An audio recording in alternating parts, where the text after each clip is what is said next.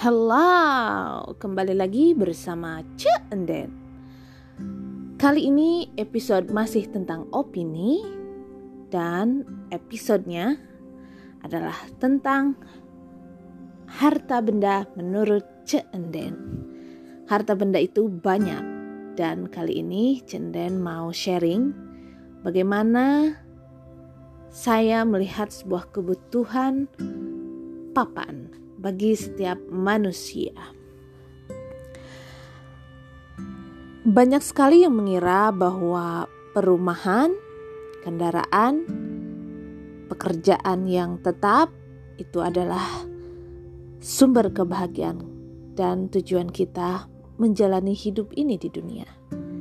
Tak banyak orang yang betul-betul mau hidup di dunia ini hanya mengandalkan kekuatan alam.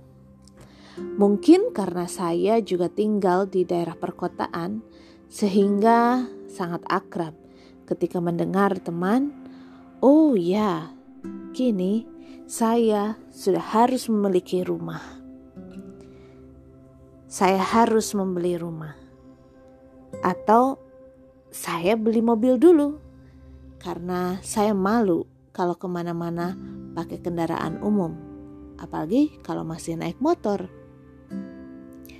Semua konsumerisme seperti itu menjadi buah bibir di antara kalangan pasangan atau keluarga muda. Banyak di antara mereka yang memaksakan diri untuk mencicil rumah, mencicil mobil demi kenyamanan sesaat. Tapi sesungguhnya di balik kemewahan dan fasilitas yang mereka punya ada perjuangan. Bagaimana menunaikan semua cicilan itu. Ya, waktu habis, tenaga habis, semuanya habis hanya untuk memenuhi cicilan itu. Anyway, saya sangat menghormati gaya hidup seperti itu. Dan kali ini saya mau sharing bagaimana saya menyikapinya. Bagaimana saya melihat fenomena itu semua. Tidak salah buat kalian yang memang mengambil gaya hidup seperti itu. Hidup menuntaskan pendidikan, kuliah, bekerja, atau berwirausaha, kemudian mendapatkan penghasilan, mencicil rumah, mencicil kendaraan, menabung untuk anak, dan lain sebagainya. Itu salah satu cara bagaimana kita bisa survive di dunia ini. Tapi banyak pula di antara teman-teman saya yang memang hidup hanya betul-betul mengandalkan kekuatan alam.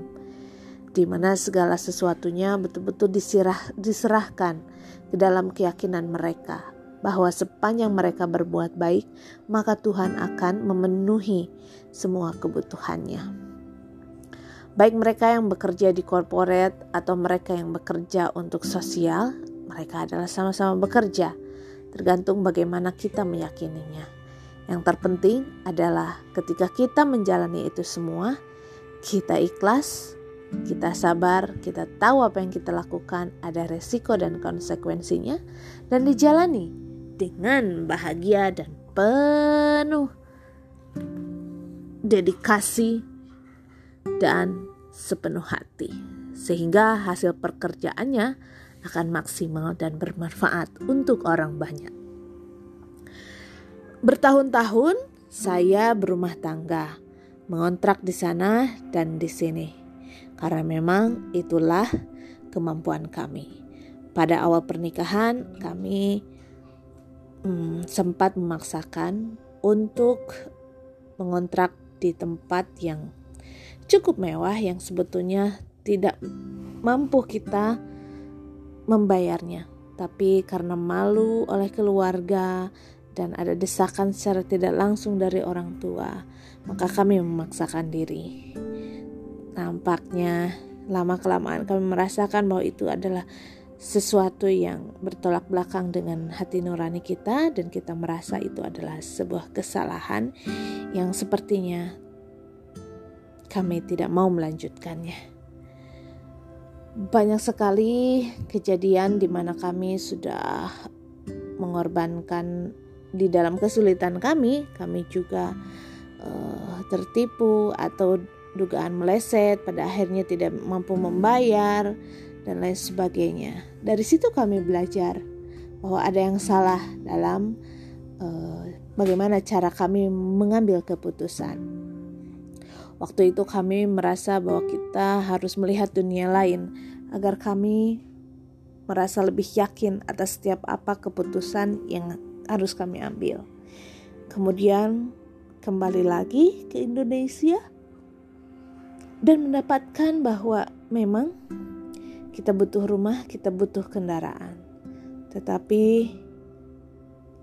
kita harus mengukur di mana kemampuan kita dan kita harus tahu diri kalau kita memang mau mengerjakan sesuatu yang memang tidak akan membuat kami kaya raya, ya kami juga harus menerima konsekuensinya. Kalau kami mau hidup kaya raya dengan fasilitas melimpah, kami juga harus bertanggung jawab atas apa yang harus kami lakukan untuk memenuhi semua fasilitas itu. Keduanya sama-sama punya resiko. Resikonya apa? Kita lanjut di episode berikutnya.